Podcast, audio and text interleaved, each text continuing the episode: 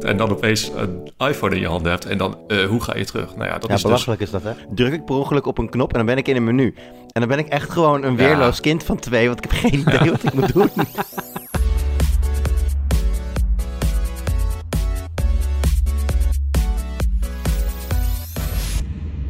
Hoi, leuk dat je luistert en welkom bij de Tweakers podcast. Mijn naam is Arnoud. Dit is aflevering 184 alweer.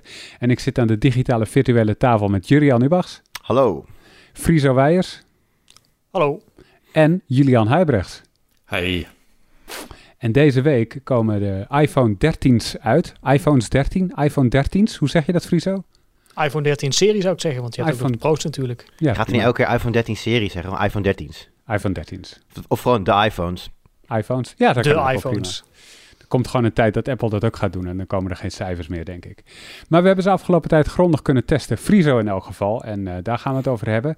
Die iPhones hebben natuurlijk mooie OLED-schermen. Maar er zijn meer apparaten met mooie ja. OLED-schermen tegenwoordig. Namelijk laptops. Die krijgen steeds vaker een OLED-scherm. Gaan we het ook over hebben.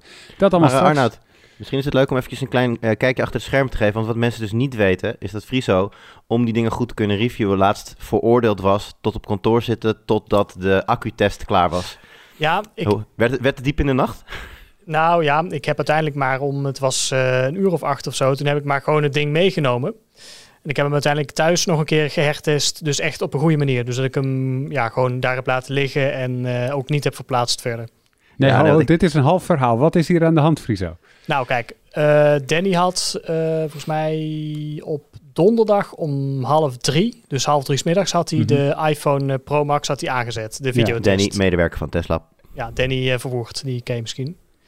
Uh, nou ja, normaal gesproken zo'n videotest, hè, dat duurt ongeveer een dag. Dus nou, we dachten, oké, okay, prima. Dan, dan is die dus vrijdagmiddag, als, als ik ze wil meenemen, is die dan klaar.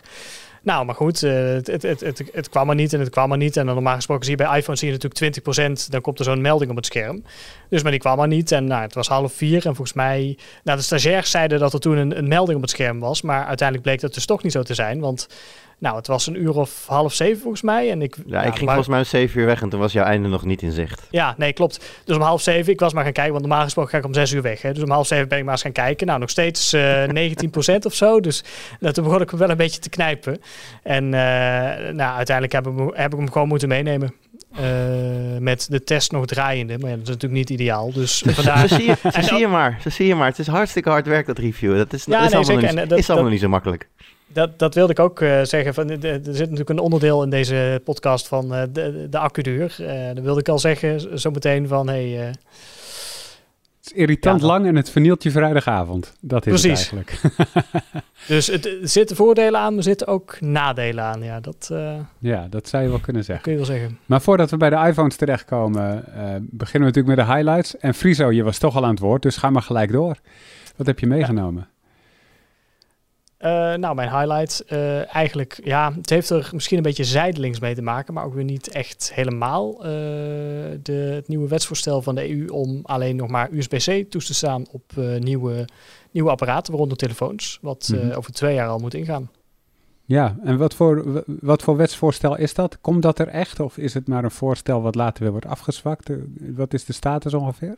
Volgens mij komt het wel echt, ja. En nou, dat betekent dus ook dat Apple uh, ja, de, Apple heeft het grootste probleem, zou ik zeggen. Want uh, die hebben natuurlijk de Lightning Port. Willen ze ongetwijfeld niet vanaf, want ze hebben dat hele lucratieve Made for iPhone programma. Uh, wat ze natuurlijk niet zo op die manier kunnen voortzetten als je een USB-C-poort op een iPhone zou zetten. Dat is ja. ook, kijk bijvoorbeeld voor die Pro-iPhones zou het best nuttig zijn om een USB-C-poort erop te hebben. Want het is nog een ander dingetje wat ik tijdens de review dan tegen ben gekomen. Ik maak natuurlijk heel veel foto's en dan moet ik die foto's ook weer van de iPhones afkrijgen. Zet ik op een PC. Maar ja, Lightning is nog steeds USB 2.0. Dus dan ben je met die, met die iPhones ben je gewoon de hele tijd aan het wachten. Oeh. Dus het zou wel nuttig zijn om USB-C op iPhones te hebben. Ook voor andere redenen. Maar goed, daar wil, wil Apple natuurlijk niet aan. Nee, dat zou, dat zou heel veel geld kosten. Trouwens ook wel goed om te vermelden, het geldt voor heel veel elektronica, maar niet voor hele kleine elektronica. Dus uh, ze hoeven niet een USB-C-poort in oortjes te vrotten en zo. Dat mag allemaal, uh, dat mag allemaal met andere aansluitingen. En draadloos valt er niet onder Friso. Dus Apple nee, kan dan dus... toch gewoon die uh, Lightning-poort van de iPhone afhalen en dan met MagSafe een Made for iPhone-programma voortzetten. Ja, nee, dat is ook het gerucht dat dat gaat gebeuren. Dus dat, dat is gewoon portless iPhones. Nou ja, dat was natuurlijk sowieso al een gerucht, hè. Maar Uh, misschien hierdoor nog wel sterker, dus dat ze in de toekomst met portless iPhones gaan komen. En dat je dus alleen nog maar draadloos kunt laden. Ja, en dan kan je dus die, mooie foto's en filmpjes helemaal niet meer van de iPhone halen, behalve via AirDrop en Bluetooth en ja, nou, er schijnt wel iets. Eh, ze, ze, ze, schijnen wel iets te gaan doen waardoor je toch nog op een manier een, een, een kabel in het toestel kan steken met via, de, via het SIM-laadje moet dat dan. Ah.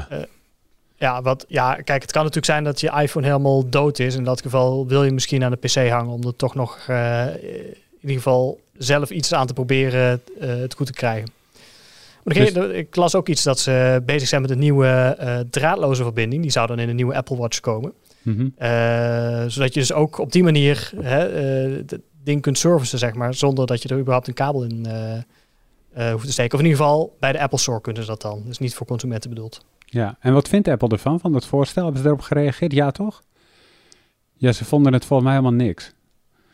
Ja, dat, dat Wat ik zeg, dat kan, dat kan ik me voorstellen dat ze dat helemaal niks vonden. Nou, Apple had ook de, de milieukaart erbij. Ze zeggen dat dat, uh, dat het slecht is voor, uh, want het is allemaal hun eigen systeem. En dan moet je allemaal al die oude accessoires weggooien. Dus dat is niet handig. Dus ja. Uh, zegt het bedrijf dat zijn eigen standaard al een keer heeft veranderd, zodat we alle oude kabels moesten weggooien? Ik ben ook inderdaad überhaupt benieuwd of Apple niet gewoon zelf al naar USB overgestapt zou zijn voordat deze wet eh, helemaal rond is en aangenomen is. Want dat zal pas ergens bij de iPhone 16 zal dat ingaan. Dus ja, of dat echt zo, zoveel uitmaakt, vraag ik me af. Ja, en buiten dat, een, hoop, een groot deel van de line-up van Apple is natuurlijk al over op USB-C. De iPhones dan niet, maar van de iPads alleen die allergoedkoopste. 380 euro kostende iPad iPad, ik weet niet hoe je hem anders zou moeten noemen. Die heeft nog Lightning en de rest heeft volgens mij allemaal USB-C, Julian, klopt dat? Ja, dat klopt. Maar dat heeft natuurlijk ook gewoon met het ontwerp te maken. Want de, de iPad, de iPad, is uh, nog steeds het model van, nou ja, een beetje het oermodel iPad. En ja, zolang je die behuizing niet verandert, kost het natuurlijk ook niks. Dus kan je steeds een nieuw model uitbrengen, een nieuw chipje erin en klaar. Ja. Uh, maar al, al die modellen met zeg maar het iPad Pro ontwerp met de, de hoekige, uh, dunne schermranden, die zijn inderdaad allemaal over naar USB-C. En ik neem aan dat de iPad ook wel een keer dat ontwerp gaat krijgen. Ooit een keer. Je mag het hopen. Ja, inderdaad. Ja, die is echt al lang niet meer geüpdate qua ontwerp. Julian, wat heb jij uh, meegenomen deze week? Nou ja, we gaan het uh, over iPhones hebben, deze podcast. En ik kan daarover meepraten. Uh, ik, ik ben gezwicht. Ik heb een, een, een iPhone 13 Pro gekocht. Um, ik zeur nog wel eens in de podcast over, over telefoons. al die Android. Ik heb heel lang Android gehad, al meer dan tien jaar denk ik. Uh, en ik wil altijd een nieuwe telefoon, maar ik heb altijd wel wat aan te merken. Uh, ik ga morgen Kenbaar. op vakantie, of vandaag zelfs als je dit nu luistert. En ik wil ook een goede camera mee. En ik heb geen zin om met een camera te slepen. Ik heb geen zin om een nieuwe camera te kopen. En mijn oude ja, OnePlus 6, uh, ja, niet helemaal top. Uh, dus ja, uh, zo heb ik mezelf uh, toch maar overgehaald om veel te veel geld voor een telefoon neer te leggen. Um, en dat is normaal leuk, nieuwe hardware, nieuwe speeltjes. dus dat is een, een, hoogtepunt. Maar eigenlijk heb ik gewoon het hele weekend zitten stressen en gedoe gehad, omdat ik dus alles van Android over moest zetten naar iOS. Uh, en daar is een hele mooie app voor. En dat gaat allemaal heel makkelijk met je contacten. Maar dan kom je bij WhatsApp. En dan is het, ja, vergeet het maar. Ja. Uh, dus je, je, je, je bericht overzetten kan niet. Ja, je kan handmatig. Wat ik uiteindelijk heb gedaan is uh, van wat conversaties die ik belangrijk vind. Die ik misschien uit nostalgische gevoelens een keer wil teruglezen. Heb ik handmatig gebackupt. Dus heb ik nu ergens in mijn Google Drive een tekstbestand met allemaal berichtjes. Uh, er zijn mogelijkheden om het te doen, maar dan moet je uh, 20 euro gaan betalen voor licenties van third-party programma's die allemaal in jouw WhatsApp-database gaan frotten. En daar voel ik helemaal niks voor. En misschien nog wel het frustrerendste is dat uh, Samsung heeft in samenwerking met WhatsApp... hebben ze uh, een aantal maanden geleden aangekondigd dat er wel een officiële manier is. Dus vanaf de nieuwe mhm. Samsung-telefoons plug je gewoon je, je USB-C-kabeltje in je Samsung-telefoon... Lightning-poortje in je iPhone, kan je de hele database overzetten. En dat zou dan ook naar andere Android-toestellen komen. Maar ja, dat is er nog niet, dus ik val buiten die boot. Dus ja, uh, het is wel, ik moet wel zeggen, zo van, van ecosysteem wisselen... Dat, dat valt toch best wel zwaar na zoveel jaar. Want waar liep je tegenaan behalve WhatsApp? Nou ja, ook gewoon kleine dingetjes. De back-button. Ik bedoel, uh, als, je gewoon, als je tien jaar lang een Android-telefoon hebt en gewoon steeds op terugdrukt en dan opeens een iPhone in je hand hebt en dan uh, hoe ga je terug? Nou ja, dat ja, is dus- belachelijk dus... is dat, hè? Ik heb dat ja. dus met de, de, telefoon van mijn vriendin, want die heeft wel een iPhone. Af en toe dan laat ze me iets zien en dan druk ik per ongeluk op een knop en dan ben ik in een menu. En dan ben ik echt gewoon een weerloos ja. kind van twee, want ik heb geen idee wat ik moet doen. Nee, ik, ik snap het ook echt niet. Want het is dus als je terug kan, dan kan je door naar links te swipen, kan je terug. Maar je kan dus niet altijd terug, want soms zit je in een app en dan is het of het eerste scherm of, nou, of, of dan staat er bijvoorbeeld bovenin staat er een, een fysiek linkje waarmee je terug moet. En dan kan je weer niet met swipen. Dus uh, ik vind het inconsistent. En, uh, maar ja, dat zijn gewoon die dingen, je moet daaraan wennen. Dus als, als, ik, als ik dit uh, nou ja, tijd in gebruik heb, dan zal het wel weer goed gaan. Maar dit is wel gewoon 10, 10 jaar muscle memory wat ik moet afleggen. en dat valt wel best wel zwaar. Ja, dat snap ik heel goed. Ja, wat ook, wat ook wennen is bij die interface van, uh, van iPhone sinds de iPhone 10, is zeg maar hoe je in het multitask menu komt. Dat is ook iets wat je natuurlijk in je muscle memory uh, opslaat. En nu is het omhoog vegen en vasthouden of zo. Ik heb er echt wel eventjes op zitten oefenen voordat ik dat door had. Heb je dat inmiddels al te pakken, Jill?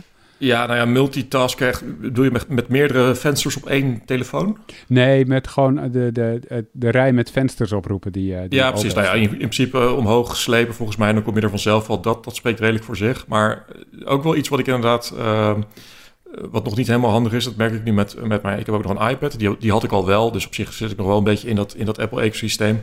Uh, maar dat multitasken daarop, dat blijft mij ook zo tegenvallen. Dat je nog steeds niet, zeg maar, twee vensters naast elkaar kan gebruiken als je hem in de portretstand houdt. Ja. Dat zou echt ideaal zijn als je gewoon YouTube wil kijken op de bovenste helft en uh, tweakers wil bezoeken op de onderste helft, want dan kun je gewoon dat scherm efficiënt gebruiken. Maar dat kan dus niet. Je kan dus als je een filmpje kijkt, zie je altijd maar een kwart van het scherm zie je een filmpje. Dus nou ja, de, ik, vind het, uh, ik vind het heel mooi systeem allemaal, Android of uh, iOS. En het, is, het is wat, ik zet liever al mijn bestanden zeg maar bij een bedrijf wat hardware maakt... in plaats van bij een bedrijf wat advertenties verkoopt. Maar ja, het is niet allemaal perfect. Hoe doe jij dat eigenlijk, Friso? Want jij wisselt elke twee, drie weken van telefoon, denk ik. Nou, dat valt op zich mee. Ik heb wel echt een eigen telefoon waar ik, ja, die ik voor privé gebruik gebruik. Mm -hmm. En dan inderdaad ook natuurlijk uh, ja, voor werk dan telefoons die ik natuurlijk uh, uh, daarvoor gebruik. Dus wat dat betreft ja, hou ik dat wel gescheiden. Ja. Maar dat heb je dan toch gewoon allebei in je vingers. Ik heb dat een beetje. Ik kan me heel goed voorstellen als je bijvoorbeeld zeven jaar lang op PlayStation uh, gamet en je gaat daarna over naar Xbox, dat je dan ook het in de interface niet begrijpt. Ja, ik ken ze allebei op mijn duimpje, dus ik denk als je, als je gewoon ze door elkaar heen gebruikt de hele tijd, hm. dat je zowel Android als iOS gewoon slapend kunt bedienen. Ja, klopt. En dat is ook. Uh, nou ja, vroeger had ik zelfs ook nog andere. Had ik, uh, ik, ik heb heel lang een Windows Phone gehad. Dus wat dat betreft, uh, als je het maar lang genoeg gebruikt, dan leer je natuurlijk alles wel kennen. Maar ja, dat is wel. is inderdaad eventjes wennen als je, als je gaat overstappen. Ben ik met je eens. Ja, ik heb ook altijd gemerkt, want ik heb natuurlijk reviews gedaan tot aan anderhalf jaar geleden ongeveer.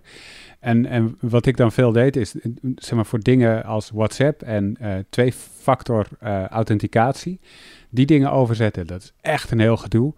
Uh, dat deed ik dus doorgaans niet, maar wel dingen waar je veel bent en waar je relatief makkelijk kan inloggen, zoals Reddit of Twitter of, of zulke dingen. Apps waarin je veel tijd doorbrengt. En zo kan je alsnog zo'n telefoon best wel heel erg testen, omdat je daar heel veel gebruik op hebt, op die apps. Um, maar heel veel dingen, alles overzetten, dat is gewoon, dat, dat, daar moet je inderdaad gewoon een weekendje voor uittrekken eigenlijk, als je dat allemaal goed wil doen. Ja, klopt. Nee, dat is ook niet te doen om dat zeg maar voor iedere telefoon te doen, denk ik. Ja, dat denk ik. Inderdaad, en zeker als je natuurlijk tussen Android en iOS kijkt, tussen, tussen Android, dat kan wel, maar ja, dat Android iOS, dat uh, ben ik helemaal met je eens, Julian. Dat is inderdaad een ramp. Ja, inderdaad. Ja, gelukkig heb je het op tijd voor elkaar gekregen voor je vakantie, Julian. Dan kan je er in elk geval van genieten als je, als je ergens anders bent. Jur, wat heb jij meegenomen deze week? Nou, ik uh, zit uh, natuurlijk uh, vuistdiep in allerlei reviews momenteel, want het hoogseizoen komt eraan. Hè? Far Cry komt er binnenkort aan. Er ligt er volgens mij op kantoor een Switch OLED op me te wachten. Dus allemaal leuke dingen. Maar Oeh. ik ben nu eerst nog bezig met FIFA 22. De review komt volgens mij aankomend weekend op de site. En daar word ik geconfronteerd met het fenomeen Preview Pack. En nou, als je het nieuws rond FIFA en de, en de Ultimate Team hebt gevolgd dan weet je wel, misschien waar het over gaat. Dat is natuurlijk hè, ruzie tussen EA en de kansspelautoriteit. Die zeiden van uh, het kopen van pakjes in Ultimate Team, dat schokken. Want je weet niet wat je krijgt en er staat waarde tegenover, et cetera. Nou goed, allerlei parameters. Dus heeft EA bedacht, we doen preview packs. En een preview pack is, die kun je aanklikken. Dan zie je wat erin zit. En dan kun je beslissen uh, of je hem wel of niet koopt. Nou, daar kwamen ze in de zomer al mee in FIFA 21. Dat was toen tijdelijk uh, in een of ander festival. Toen kon je ook alleen maar preview packs kopen. En later zijn dan de normale packs wel weer teruggekeerd. En in FIFA 22 nu bestaan ze naast elkaar. Dus je hebt als je bijvoorbeeld een goud pakje wil kopen, zie je links een preview pack en rechts een normaal pakje. Alleen wat nou het lastige is, als jij een preview pack aanklikt, dan, je hoeft hem niet te kopen, maar je hebt 24 uur bedenktijd om hem nog te kopen. Anders gezegd, het duurt 24 uur voordat daar weer een nieuw previewpakje verschijnt. Dus als jij denkt van nou, deze hoef ik niet, dan moet je 24 uur wachten voor je hem nog een keer kan kopen. En ondertussen staat daar rechts naast een gesloten pakje, zoals het altijd was, die je wel gewoon onbeperkt kunt blijven kopen. Ja jongens, ben ik nou gek? Of lost dit gewoon totaal het probleem niet op? Ik bedoel, ik, ben, ik, heb, ik heb zeer slechte zelfcontrole. Dus als ik iets wil, dan, dan heb ik het al gekocht meestal. Maar uh, ik kijk naar die preview pack. Ik, ik, ik zie Alexander Isaac, nou hartstikke leuke voetballer, maar daar doe ik het niet voor. Ja, dan kan ik beter. Dan heb, vind ik het verdomd moeilijk om dan niet heel veel van die dichte pakjes te, te doen. En nou goed, ik ben dan een volwassen persoon die dat soort eh, beslissingen zelf mag maken en daar uh, nou, niet zo heel veel hinder van ondervindt. Maar ja, kids en zo, die uh, kunnen dat ook gewoon nog steeds doen. En ja, ik vind het, ik vind het een hele rare non-oplossing eigenlijk. Voor de kijkers op YouTube, Julian deed inderdaad een fysieke facepalm. Leg ja. uit. Oh, nou ja, dit, klinkt natuurlijk weer als, als maximale halen uit, uit, ja, uit, uh, uit alles wat ook maar mogelijk is. Het is natuurlijk een soort van geste naar, oh, kijk ons goed zijn. We gaan ons uh, aan de regels proberen te houden door een soort van oplossing te bieden. Maar ondertussen is het natuurlijk gewoon weer een, een, een psychologisch trucje om, uh, nou ja, misschien juist wel weer meer pakketjes te kunnen verkopen. Het, het, het, is, het is gewoon zo smerig. En dat hele fut is, oh, nou ja, dat, dat, is, dat is letterlijk een miljardenindustrie. En ja, ja waar, waar gewoon natuurlijk uh, keihard uh, teams van psychologen op zitten... die maar bedenken hoe zoveel mogelijk mensen... zoveel mogelijk van die kaartjes gaan verkopen. Ja, en als je dan dit soort dingen nog daarnaast gaat bedenken... nou ja, dat zal wel weer helpen, ja. Ja, het klinkt een beetje als die uh, Philip Morris, die dan 40 jaar lang de anti-rookcampagnes een beetje eh, gaat traineren. Ja. Uh, ja, nee, donders goed weten dat het heel slecht is eigenlijk. En het, het, die, die, strijd is al zo lang gaande. En ik, ik, ik heb echt het idee dat, dat IE gewoon met de hak in het zand staat. En dat, dat ze gewoon achteruit geduwd moeten worden door de kansspelautoriteit. Ja, weet je, um, ik vind het heel lastig uh, om te bedenken hoe dit dan verder gaat. Ik kan me haast niet voorstellen dat als de kansspelautoriteit hier naar kijkt... dat ze zeggen van oké, zo is het goed. Uh, of het moet een bepaalde maas in de wet zijn... Uh, waardoor IE nu voldoet aan bepaalde regels. Dat zou kunnen. Maar ja, als je, als je hier gewoon objectief naar kijkt... dan slaat het helemaal nergens op. En dan zou je eigenlijk moeten, moeten bedenken van... goh, kan deze game op deze manier dan wel in de winkel blijven liggen? Ja, dat is natuurlijk ook het probleem met, met dit soort regels en de politiek weer. Dat duurt gewoon heel lang en het duurt jaren. Want de, de, de zaak tussen de kansspelautoriteit en de IE is alweer... Nou ja, dat zijn we alweer bijna vergeten. Want volgens mij is het alweer zo'n twee jaar geleden... Uh, dat ze gezegd hebben, dit mag niet, want de spelers zijn verhandelbaar. Ook al is het niet, niet officieel, maar je kan dus op bepaalde sites kan je die spelers uh, verkopen. En dat is altijd de grens voor de kansspelautoriteit. Want zodra iets verhandelbaar is, dan, nou ja, dan mag ja. het niet volgens de wetgeving. Maar uh, dus volgens mij verandert de zaak of je de preview kan zien daar ook niet zo heel veel aan. Uh, alleen de, de kansspelautoriteit heeft dus destijds gezegd van ja, oké, je moet die game aanpassen, anders mag die hier in Nederland niet zijn. Nou ja, zegt oké, we stappen naar de rechter, we gooien er weer, we gaan in beroep en we gaan wachten op de volgende uitspraak. En het is nu wachten op de volgende uitspraak. En ja, geen idee wanneer die komt en wat er dan gebeurt. Dus het is weer zo'n zo'n ja, wat je, hetzelfde wat je ziet in, uh, met al die privacyzaken. De, de, de politiek en de wetgeving, die, die hobbelt een beetje erachteraan. En tegen de grote, machtige miljardenbedrijven. Maar ja, echt een, uh, een effectief beleid kunnen voeren of optreden, dat gebeurt maar niet. Nou ja, EA is natuurlijk niet de enige. Er zijn meer uh, partijen die dit soort dingen in games hebben. En die, ja, uh, de een meer dan de ander, daar dingen aan hebben gedaan. Ik heb bijvoorbeeld gezien dat uh, voor Nederlandse gamers in sommige games de mogelijkheid om door te verkopen bijvoorbeeld wordt weggehaald. Hè. Dan kun je dus nog wel dingen verzamelen in dat spel, maar niet verhandelen. Dat, dat, zo zou je dan binnen de lijntjes van de wet hier kunnen blijven. Ja, het is heel, het is interessant. zeker ook omdat jij terecht aangeeft, het is een, een miljoenenindustrie. dit jaar meer dan ooit is Ultimate Team het centrum van de game. Uh, nou ja, klein voorproefje van de, van de, van de, van de review. Maar uh, Volta is, behoorlijk uitgekleed aan de manager career mode. is helemaal niets veranderd. Dus ja, als jij niet... Je moet eigenlijk wel een Ultimate Team speler zijn. Wil je FIFA 22 echt heel erg kunnen waarderen waarschijnlijk. Ja, en als dan uh, dit toch weer... Ja, waarschijnlijk het hele jaar door op de achtergrond blijft doorsudderen. Ja, wel jammer. Hey, en hoe zou, het, hoe zou IE dit wel kunnen oplossen dan? Want als ik het van de andere kant bekijk, snap ik het ook wel weer dat ze niet zeggen: je kan altijd maar zien wie er in het pakje zit voordat je het koopt. Want dan ga je gewoon mensen krijgen die, dat, uh, die, die daar cheats op verzinnen. Ja, ik heb geen idee. Kijk, ik bedoel, je, je kijkt hier naar, ik kijk hier uh, op twee manieren naar. Ik bedoel, als gamer uh, heb je helemaal gelijk. En vind ik het ook, zoals het nu is, prima. Weet je, je kan af en toe even een pakje kijken. Vind je hem leuk, neem je hem mee. Vind je hem niet leuk, ga je wat anders doen. Uh, ik heb daar zelf niet zozeer een probleem mee. Maar als reviewer en journalist zijnde uh, moet je zien dat het ding waar de kansspelautoriteit over begon, namelijk het, het, het is gokken, is eigenlijk nog steeds aanwezig. Je hebt er alleen iets, iets naast gezet. Dus ja, ik, ik, ik, weet, ik weet niet hoe je dat zou kunnen oplossen. Uh, binnen, binnen, ik moet ook zeggen dat ik daar de wet ook niet goed genoeg voor ken. Um, maar ik ben een beetje bang dat gewoon zolang je een dicht pakje hebt waar iets komt, waar iets uitkomt met een bepaalde waarde, waar je voor moet betalen, dat uh, dat, dat altijd een probleem zal blijven. Het is natuurlijk ook de vraag of je niet gewoon het hele concept is per definitie een soort van fout of verkeerd. Kijk, het is een voetbalspel, maar uiteindelijk wordt het voetbalspel betaald door ja, hoeveel pakjes jij koopt of hoeveel geld je daarin wil stoppen. Dus dat, daar gaat het al mis. En het is dus het is een soort van gokspel uh, in plaats van een voetbalspel. Dus uh, hoe, hoe moet je het oplossen? Je moet een leuk voetbalspel maken waarin je spelers kan verdienen door bijvoorbeeld potjes te winnen of veel te spelen of wat dan ook. Of door gewoon te zeggen, Ronaldo kost 100 euro. Uh, ja, ja dan, dan is het duidelijk pay to win, maar dat is het nu ook. Dus ja, het hele concept is gewoon verrot, als ik het zo Ja, dat is wel goed. Je zou, je zou inderdaad, nou goed, letterlijk het gokelement tussenuit uithalen. Dus ofwel je betaalt een vast bedrag voor bepaalde spelers Ofwel, je doet dat niet en je kunt ze verdienen op, nou, met bepaalde challenges. Maar inderdaad, dat, dat, dat, dat kansdingetje dat je een dicht pakje koopt... waar je dan maar hoopt dat uh, Cristiano Ronaldo of Messi erin zit een keer... Uh, ja, dat is lastig. En vooral, uh, ja, en, dat, is het grote probleem. Als je dan Messi een keer hebt, ja, dat, dat levert je een heleboel muntjes op in de in-game in de in-game veilingruimte die er is. Dus ja, dat, ik denk dat die elementen er tussenuit moeten en dat je dan pas binnen de regels zit. Ja. ja, lijkt me ook inderdaad. Nou, ik ben benieuwd of deze, deze game over drie, vier maanden nog in de winkel ligt. Of dat, uh, nou, vast wel. Of dat het allemaal niet meer mag. Uh, over dingen die in de winkels uh, liggen gesproken. Ik, ik heb ook nog iets meegenomen. En dat was een, een boete die Samsung kreeg van de autoriteit Consument en Markt. Van, en ik zeg dit uit mijn hoofd, 39.875.000 euro. Ik vind dat voor Nederlandse begrippen trouwens echt veel geld. De meeste boetes die ik hoor in Nederland, die, die lopen in de tonnen af en toe een paar miljoen, maar dit is gewoon bijna 40 miljoen. En uh, het gaat om het volgende. De, Samsung verkoopt tv's, dat weten we allemaal wel. En uh, die hanteert daar adviesprijzen voor. Dat, uh, dat, dat doet elke fabrikant van elektronica of andere producten. Dat is niet abnormaal. Maar vervolgens, als zij zagen in, op prijsvergelijkingswebsites, en de ACM noemde geen namen, maar ik ken wel een prijsvergelijker voor tv's die ze in de gaten hadden kunnen houden. Uh, als ze zagen dat aanbieders onder de adviesprijs gingen zitten, dan gingen ze die aanbieders opbellen of in ieder geval contacteren en zeggen: joh, je zit onder de adviesprijs. Um, zou je de prijs weer even wat omhoog willen doen? En oh ja, dan heb je ook extra marge.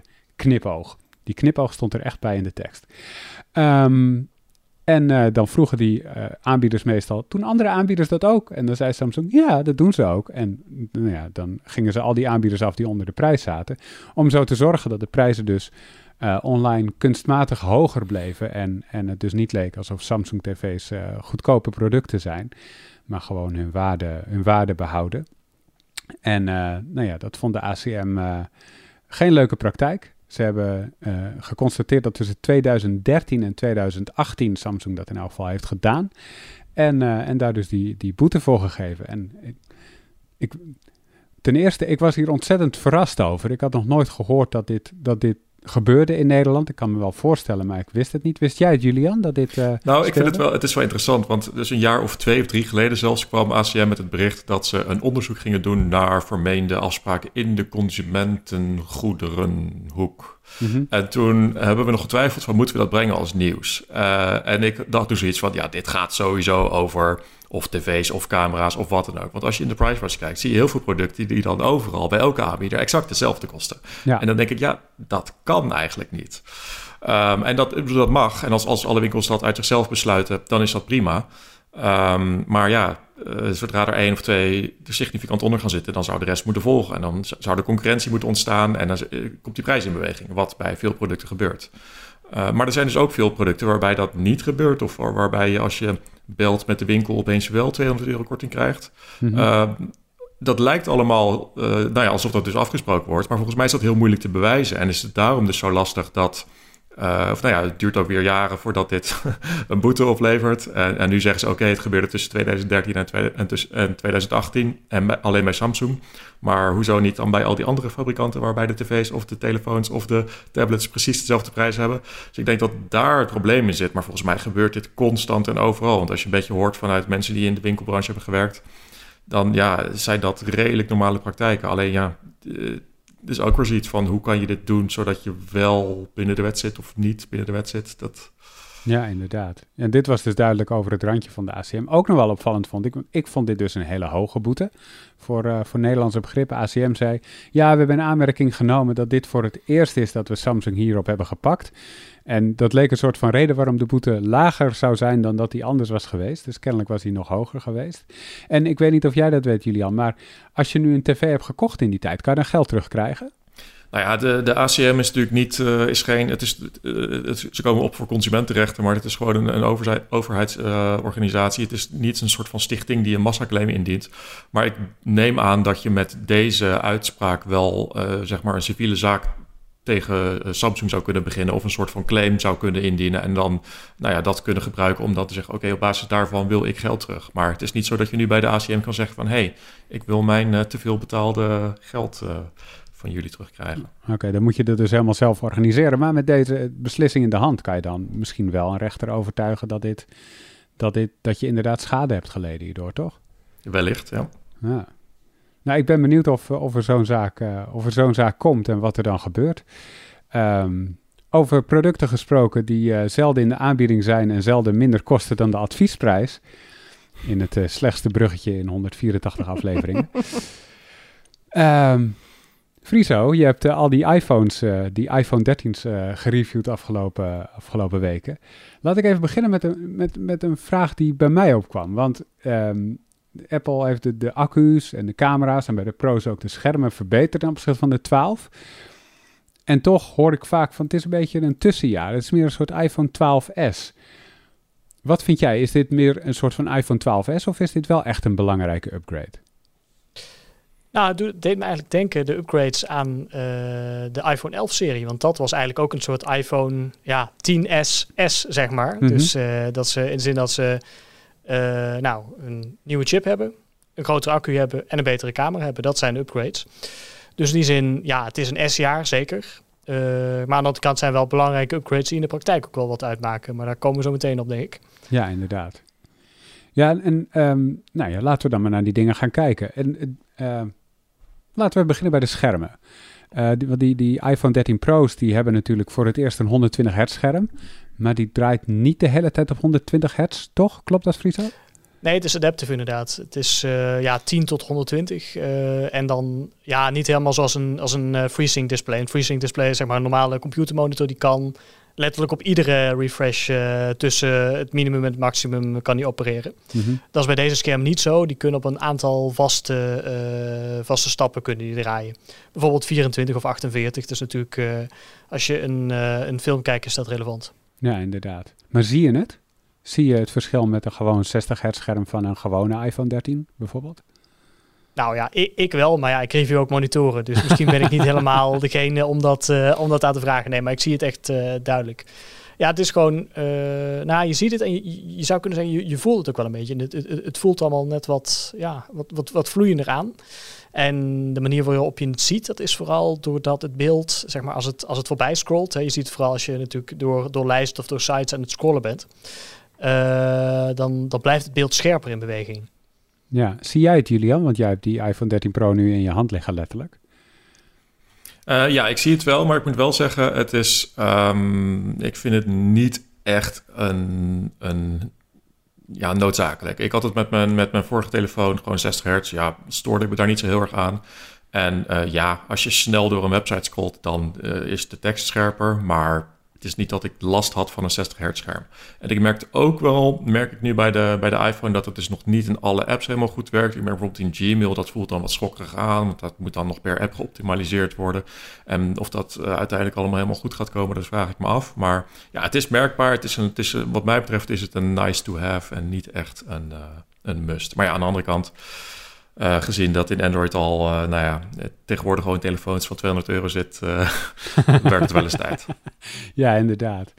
En, en Friso, dan de, de accuduur. Um, je zei al, de, de, de 13 Pro Max die gaat zo lang mee dat je even je weekend moest uitstellen om te kijken of die accutest bijna afliep. Ja, het is echt problematisch. Ja. Tenminste voor reviews dan. Hè? Nee, voor, in, in, praktijk is het natuurlijk heel fijn. En dat is, nou, dat is echt, het heeft me echt verbaasd hoe lang die meegaat. Ook in de praktijk, dus met, uh, met uh, dingen als camera testen en zo. Mm -hmm. uh, nou, dan zie je toch dat, dat, dat, nou ja, je, je kunt blijven doorschieten tot je een ons weegt. En dan, dan staat er gewoon nog steeds 80% in het beeld. Oh, nice. Maar dat is de Pro Max. Hoe zit het met de andere iPhone 13's? nou, de, ja, het gaat allemaal langer mee. Mm -hmm. Dus het, is, ja, het is niet zo'n zo'n zo'n zeg maar zo'n zo'n standout als de 13 Pro Max. Um, en dan is het ook op zich nog wel interessant, want je hebt dus de 13 en de 13 Pro. En dat 120 hertz scherm, ja, wat zeiden we net al, dat kan dus ook op een lagere refresh uh, draaien. Dus in sommige gevallen leidt dat ertoe dat de 13 Pro langer meegaat dan de 13. Mm -hmm. Maar in andere gevallen ook weer niet, want de 13 heeft wel een grotere accu. Dus het is een beetje scenario afhankelijk welke van de twee uh, uh, in praktijk langer meegaat. Dus ja, waarbij uh, wij maken gebruik van de videotest. Onze videotest maakt gebruik van een filmpje. Ja, dat is een deel van een, van een Hollywood film is dat. Dus die draait op 24, uh, 24 fps en op dat scherm kan die dus ook op 24 draaien. En daardoor zie je dat bijvoorbeeld de iPhone 13 Pro in die test langer meegaat dan 13. Uh, terwijl het dus in de, volgens mij, de 4G browse test is het andersom. Ja. Dus ja. Dan, is, dan is de Pro weer korter dan de, dan, dan de normale. Ja, en voor de mini geldt. Hè, ik heb zelf een uh, 12 mini nog steeds. Uh, ja, ik zei het volgens mij de vorige keer ook al toen ik hier zat. Uh, accuduur is niet echt het, het sterke punt van dat ding. Nee. dus dan is het ook wel heel fijn zit. dat je een iets grotere accu in je toestel hebt. Ja. Merk je dat ook? Is dat, is, dat, is dat zichtbaar in de resultaten? En merk je dat in de dagelijkse praktijk een beetje, dat die mini langer meegaat? Nou, dat is zeker zichtbaar in de resultaten. Volgens mij, ik, volgens mij gaat hij ongeveer nu zo lang mee als de, uh, als de oude 12. Dus het, oh, wow. het, ja, het, het, komt, het komt iets meer in de buurt van uh, ja, gemiddelde accuduur. Ik bedoel, het is nog steeds, hè, kijk, voor de accuduur moet je gewoon geen mini kopen. Daar komt het op neer. Maar het is, het is in ieder geval beter dan het was. En dat is een hele verbetering. Ja, en dan, uh, en dan de camera's. Daar zitten ook veel upgrades in. En Julian, ook de, de kleinere iPhones uh, hebben nu de, de grotere sensor die vorig jaar alleen in de 12 Pro Max zat. Um, hoe groot is dat verschil eigenlijk tussen die kleinere en die grotere sensor? En waarom is dat, waarom is dat zo belangrijk?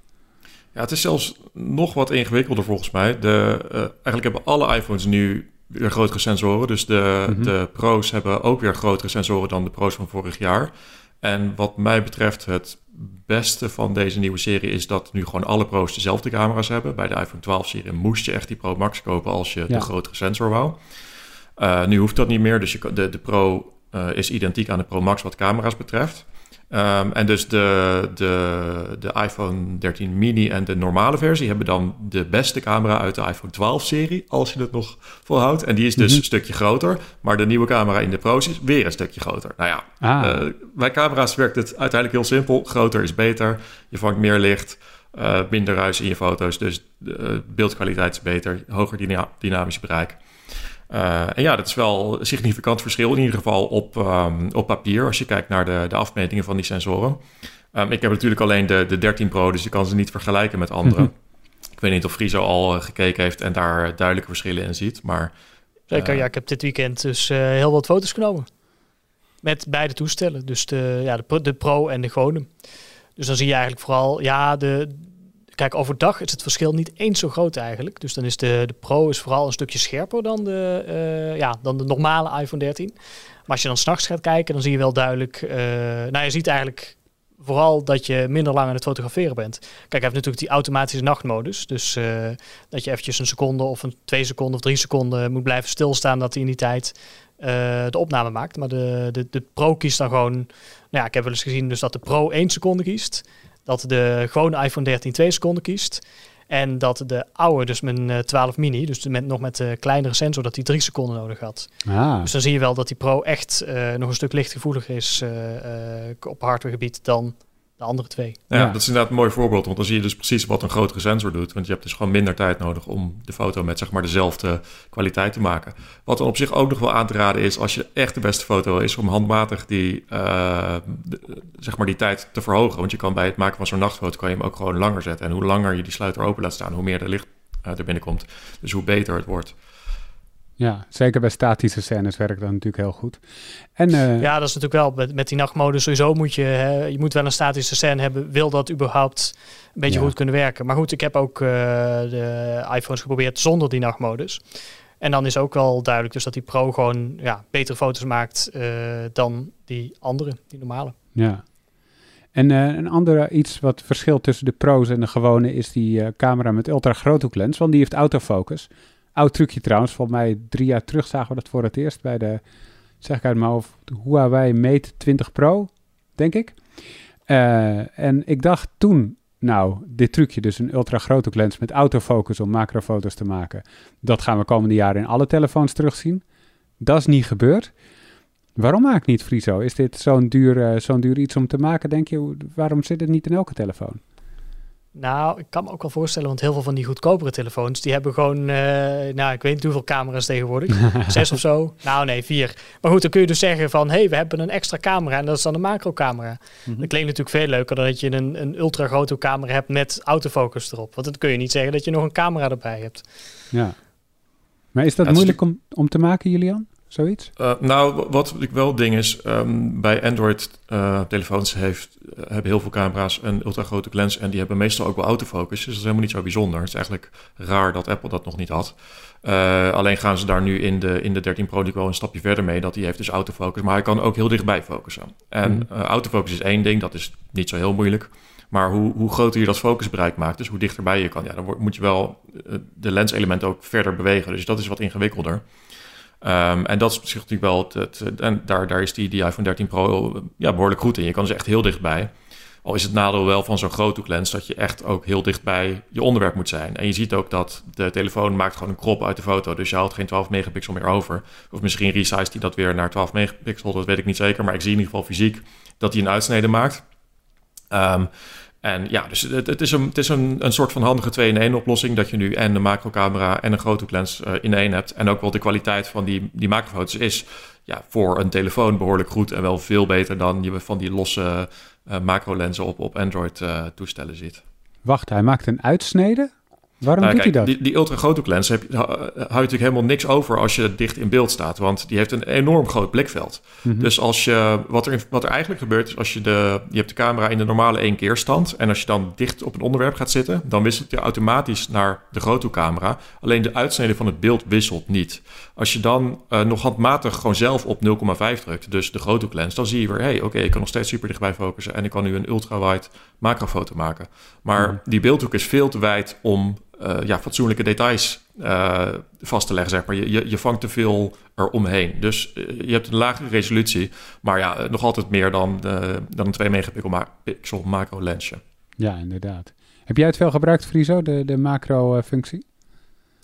Ik heb er wel een paar foto's mee gemaakt en het ziet er inderdaad best goed uit voor een, eh, voor een telefoon inderdaad. Wat ik wel irritant vond, maar dat eh, hebben meer mensen gezien, dus dat gaan ze ook nog oplossen.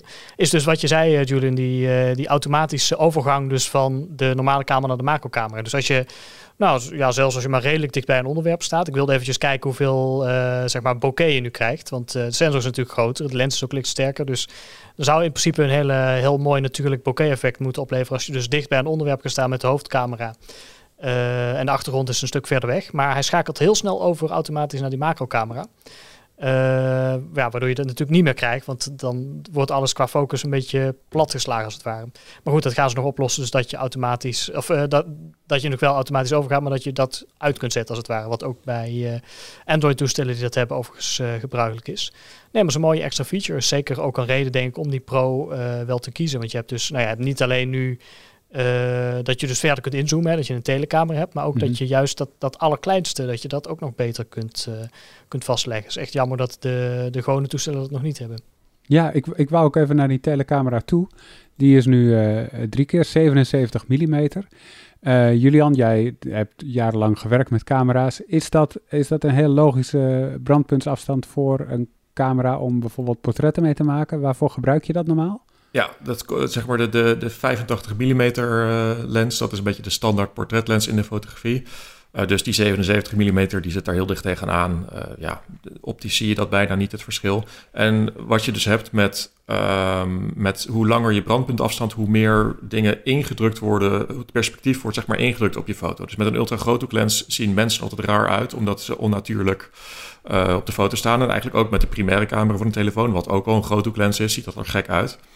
Um, dus met zo'n portretlens uh, met, met drie keer zoom, nou uh, ongeveer 77 mm, dan heb je ja, dat mooie, beetje samengedrukte beeld. Krijg je, kun je wat beter je, je onderwerp van de achtergrond scheiden.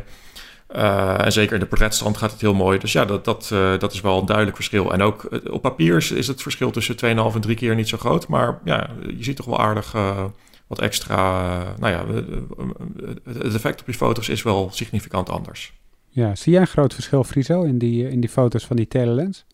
Ten opzichte van vorige nou, generaties? Ik wilde eerst nog eventjes, want het, het interessante is eigenlijk dat als je naar de portretstand uh, overschakelt, op die nieuwe iPhone dus, uh, volgens mij gebruikt hij dan niet de telecamera en juist de, de normale camera nu. Oh, wow. oh, dan moet ik nog eens goed kijken. Ik dacht dat je nog steeds kan kiezen inderdaad. Maar ja, dat, je, kunt, je kunt wel kiezen, ja. maar standaard maakt ja, hij gebruik okay. van de gewone camera. Terwijl op de oude iPhone was het inderdaad zo dat hij dan automatisch overging naar die uh, twee keer of tweeënhalf keer bij de uh, bij de 12 Pro Max. Ja. ja, dat hebben ze misschien gedaan omdat de lens uh, iets minder lichtsterk is. Dus je hebt niet meer zo, zeg maar evenveel, evenveel dat bokeh-effect waar ik net ook al over had.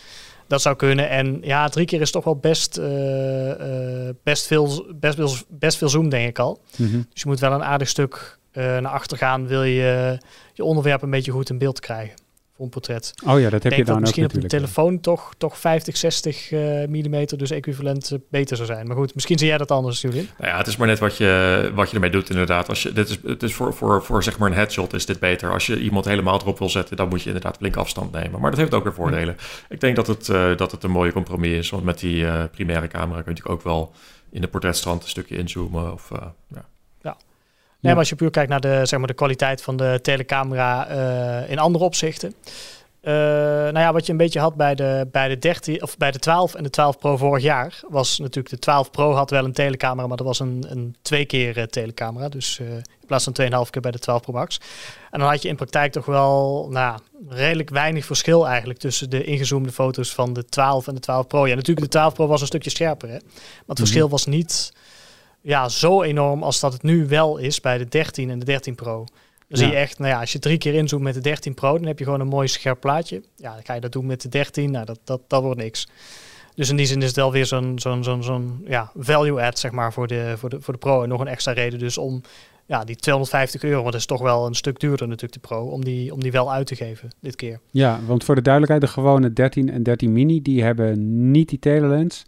En nee. ook een andere ultra groothoekcamera, toch? Ja, de oude nog. Dus ja. die zonder de, zonder de autofocus ook erbij. Ja. En met uh, minder, uh, minder uh, groot diafragma. Jur, jij bent op zoek naar een nieuwe telefoon, heb je al een paar keer gezegd. Mm. maar overstappen van Android naar iOS is lastig, heb je ook al gehoord. Ik heb zoiets, later, laatst heb ik iemand dat horen zeggen, dat, dat, dat je dan tegen dingen aanloopt, ja. ja. Wat denk je hier dan van? Is, dit, is, is dit een kandidaat? Ehm... Ja, op zich niet. nee, ja, um, er zitten wel boel. Het, het, nadeel dat Julia natuurlijk uh, in de highlights al heeft genoemd, is een hele belangrijke daarin. Uh, daarnaast vind ik de prijs van die dingen uh, iets wat voor mij budgetair wel haalbaar is, omdat ik gewoon niet over heb in het algemeen voor een telefoon. Dus dat maakt het wel heel makkelijk. Um, maar verder, op basis van waar we het vandaag over gehad hebben, zou ik niet echt een keuze maken. Want dat, uh, ja, fo goede foto's maken is belangrijk. Maar ja, hoeveel zoom het dan is en wat dan de specs precies zijn. Bedoel, we maken dit natuurlijk ook voor, voor de mensen die hier enorm over kunnen nerden en alles willen weten. Ik, ik, ik wil gewoon mooie foto's en een goede selfie-camera hebben. En ben wat dat betreft op foto-eisen redelijk mainstream, denk ik. Is het een goede selfie-camera, Friso, die de iPhone 13's nou, hebben? Ja, ze hebben al een paar jaar eigenlijk dezelfde. Dus ja, ik bedoel, kijk, qua beeldverwerking is Kijk, het dit is het best info goed. waar ik wat mee kan, Friso. Lekker bezig. Ja, nee, qua, qua beeldverwerking best goed. En natuurlijk ook uh, interessant hè, dat je die, uh, die Face ID, die dieptecamera, kun je dus natuurlijk gebruiken voor portretten. Dus dat, dat gaat ook wel goed. Maar ja, puur als je kijkt naar de sensor. Kijk, uh, zeker Android-fabrikanten zetten soms gewoon 40 megapixels op. Ja. En nu is het natuurlijk meer megapixels is niet meer beter. Hè? Dat, uh, mm -hmm. dat wil ik nog wel even gezegd hebben. Maar er zijn ook wel echt fysiek een stuk grotere sensoren. Wat je ook wel ziet aan, uh, aan ruis en zo. Dat dat uh, gewoon minder is bij die toestellen. Ja. En, en de term Face ID is al even gevallen, Julian, want daar is ook iets mee met de iPhone 13's. ik wilde even naar, naar het onderwerp reparatie namelijk. Want dit weekend kwam naar buiten dat Face ID niet meer werkt als je het scherm verwisselt. Ook al verwissel je het met een andere iPhone 13. Dus dan heb je gewoon een origineel Apple-scherm. Dan nog werkt het niet. Hoe zit dat precies? Nou ja, dit, dit, speelt als je bijvoorbeeld zelf het scherm zou verwisselen. Of als je dat laat doen door een, een schermverwisselaar op de hoek die niet uh, gelieerd is aan het officiële Apple reparatieprogramma. En dit speelt natuurlijk al heel lang bij Apple. Dat als je iets vervangt, dat op, opeens iets anders niet meer werkt. En ja, dit jaar is dat uh, onder andere Face ID, wat vrij vreemd is. Want uh, die Face ID-module heeft niet zoveel met het scherm te maken. Maar er blijken dus chips op, de, op het scherm te zitten die daaraan gelinkt zijn. En ja, eh, er schijnt nog wel een mogelijkheid te zijn om die chips dan te solderen en op je nieuwe scherm te plakken. Maar dat gaat natuurlijk niet gebeuren als jij ergens je, je scherm wil laten vervangen voor een goed, goedkoop prijsje. Uh, dus ja, dit is weer een, een nieuwe stap in het um, lastig maken van reparaties. Um, ja, en dat is iets wat al, wat al lang speelt bij Apple, maar ja, waar, waar ook wel kritisch naar gekeken wordt. Ja, en inderdaad, ik zag ook een uh, YouTube-video van Hugh Jeffries. Dat is een Australische uh, reparateur van telefoons onder meer. En die had dus ook twee, twee iPhone 13 Pro's. En hij had, want er zijn twee kabels, eentje voor de Face ID hardware en eentje voor het scherm en, en, en touch. en hij had ehm, de ene kabel verbonden met het ene scherm en de andere kabel met het andere scherm van de andere telefoon. Om te kijken wat nou, wat nou voor zorgde dat Face ID niet werkte. En het bleek dat het niet uitmaakte. Dus of nu het scherm niet aangesloten was op de originele scherm of uh, de Face ID hardware niet aangesloten was op de originele Face ID hardware. In beide gevallen deed het het dus niet. Dus het is echt een, uh, een keuze die niks met de, met de hardware of de componenten te maken heeft. Het is echt een uh, softwarematige keuze van, van Apple om dit, om dit te lokken. En dat komt dus nog bovenop al die andere dingen die inmiddels cryptografisch verbonden zijn. De camera's, de, de accu en, uh, en het scherm. Dat geeft ook al een waarschuwing, dat deed het al. Maar nu werkt Face ID dus ook niet. En True Tone, dat soort dingen werken dan ook niet meer. Um, maar Julian, je kan toch gewoon je alles laten repareren bij Apple? Dan, dan is dat toch niet zo problematisch eigenlijk? Ja, nou dan mag je ook meteen je portemonnee trekken. dat is vrij, uh, vrij prijzig. Ik weet niet wat, wat precies een schermreparatie kost, maar dat, uh, dat is volgens mij ongeveer de, de, een halve telefoon. Dus dat, uh, dat zijn geen leuke valt, bedragen. Maar valt het niet onder Apple Care? Ja, tuurlijk wel. Maar ik ga toch niet ook nog eens 230 euro betalen terwijl ik al 1100 euro voor een telefoon afgetikt heb? Ja, nee, okay, maar dan, dat is natuurlijk de reden dat ze die reparaties zo enorm duur maken. Want ze willen je natuurlijk gewoon op Apple Care. Ja. Ja, dat is inderdaad wel een verdienmodel, denk ik. Maar aan de andere kant, het is ook wel nou ja, dit is niet hoe het zou moeten werken natuurlijk. Je moet gewoon zelf of bij elke winkel om de hoek je telefoon laten repareren. Er zijn ook een hoop mensen met iPhones die trouwens helemaal niet bij Apple-reparateurs in de buurt wonen. Dus dan is het sowieso geen optie. Zijn, zijn zulke afwegingen, Friso, eigenlijk onderdeel van, uh, van je review? Kijk je daarnaar of is dat iets wat je buiten beschouwing laat? Ik kijk er niet standaard naar. Het is wel iets, kijk, duurzaamheid. En daar hebben we natuurlijk wel over om daar iets meer mee te doen in de toekomst. Uh, maar dan is het in het verleden vooral gegaan over uh, repareerbaarheid. Dus in hoeverre, nou ja, in hoeverre een toestel überhaupt kan worden gerepareerd. Of dat nu door de fabri fabrikant is of door een andere uh, partij. Uh, maar het is natuurlijk wel een interessante discussie dat ja, in, in, in hoeverre dit uh, belangrijker is, of het toestel goed gerepareerd kan worden. En dat het alleen door de fabrikant kan gebeuren en, en niet door een andere partij. Of je dan inderdaad niet moet zeggen van, hey, let hier even op. Want dit is natuurlijk wel, ja, wat je zegt, als je, als je schermstuk valt, dan ben je gewoon 500 euro kwijt. om, dat, om dat weer goed te laten, te laten werken. En zeker als je natuurlijk Face ID niet hebt. Ja. Dat is gewoon een belangrijke feature op zo'n toestel. Dat is een hele belangrijke feature, ja. Kijk, ja, als je, als je zo'n zo'n melding krijgt, nou ja goed, uh, het scherm is niet origineel, oké. Okay. Dat weet je dan, maar... Ja, features uitvallen, dat is een ander verhaal. Ja, inderdaad. Nou ja, als je dit luistert, een paar uur later verschijnt het eerste nieuwsbericht wat ik in ieder geval ooit heb getikt over een nieuwe telefoon. Waarbij ik een tabelletje heb kunnen maken met hoeveel de vervangende onderdelen kosten. En uh, ik ben er heel blij mee dat er eindelijk een telefoon is die, uh, waar ik dat gelijk erbij kan zetten. Uh, en ik hoop dat het nog veel vaker gebeurt, want zo zou het eigenlijk moeten werken. Dat je gewoon zelf via de site van de fabrikant originele onderdelen zou kunnen bestellen, die er zelf in kan zetten. Dat zou, dat zou mijn droombeeld zijn voor de toekomst, maar dat zit er voorlopig niet in. Um, maar over de OLED-schermen gesproken, Julian, want jij hebt nog heel andere OLED-schermen nou ja, Niet zelf bekeken, denk ik, maar wel bekeken hoe het zit naar die markt, namelijk in laptops. Oh, ik dacht dat je ging zeggen Nintendo Switch. Nee, jammer. Ja, daar, daar zou je ook nog naar moeten kijken, joh. Dat lijkt me ook leuk om, om over te lezen en, en te zien. Maar in, in laptops zitten veel meer OLED-schermen. Hoe, hoe kan dat ineens? Ja, toen we, wat is het, alweer twee jaar geleden uh, op de CES waren, toen dat nog allemaal kon, toen stonden, stonden er opeens een stuk of vier uh, 15-inch laptops met een OLED-scherm op de beursvloer. Uh, mooi 4K OLED-scherm. En ja, toen dacht ik ook, hé, hey, eindelijk komt er een beetje een, een doorbraak op gang. De fabrikanten gaan OLED-schermen in laptops stoppen. Is daarna erg stil gebleven. En eigenlijk pas dit jaar is daar weer een beetje vaart achter gezet. begin dit jaar zei Samsung, hé, hey, we gaan meer dan tien verschillende soorten OLED-panelen voor laptops maken. Nou ja, dus uh, we hebben de afgelopen maanden even in de gaten gehouden. Wat is er nou eigenlijk gebeurd? Er zijn wat aankondigingen geweest. Uh, en ik ben dat dus allemaal op een rij gaan zetten. En eens gaan kijken hoe dat nou precies zit. En ja, dan zie je toch wel dat er... Er zijn nu daadwerkelijk tien verschillende OLED-panelen. Het is allemaal wel... Uh, allemaal tussen de 13 inch en de 16 inch. Dus er zijn ongeveer mm -hmm. drie formaten. Maar je hebt dan de 1610 variant, een 16.9 variant, een 3.2 variant. Uh, er is een 4K variant, 1080p. Dus er is veel meer keus dan dat er was. En er is nu ook daadwerkelijk uh, massaproductie.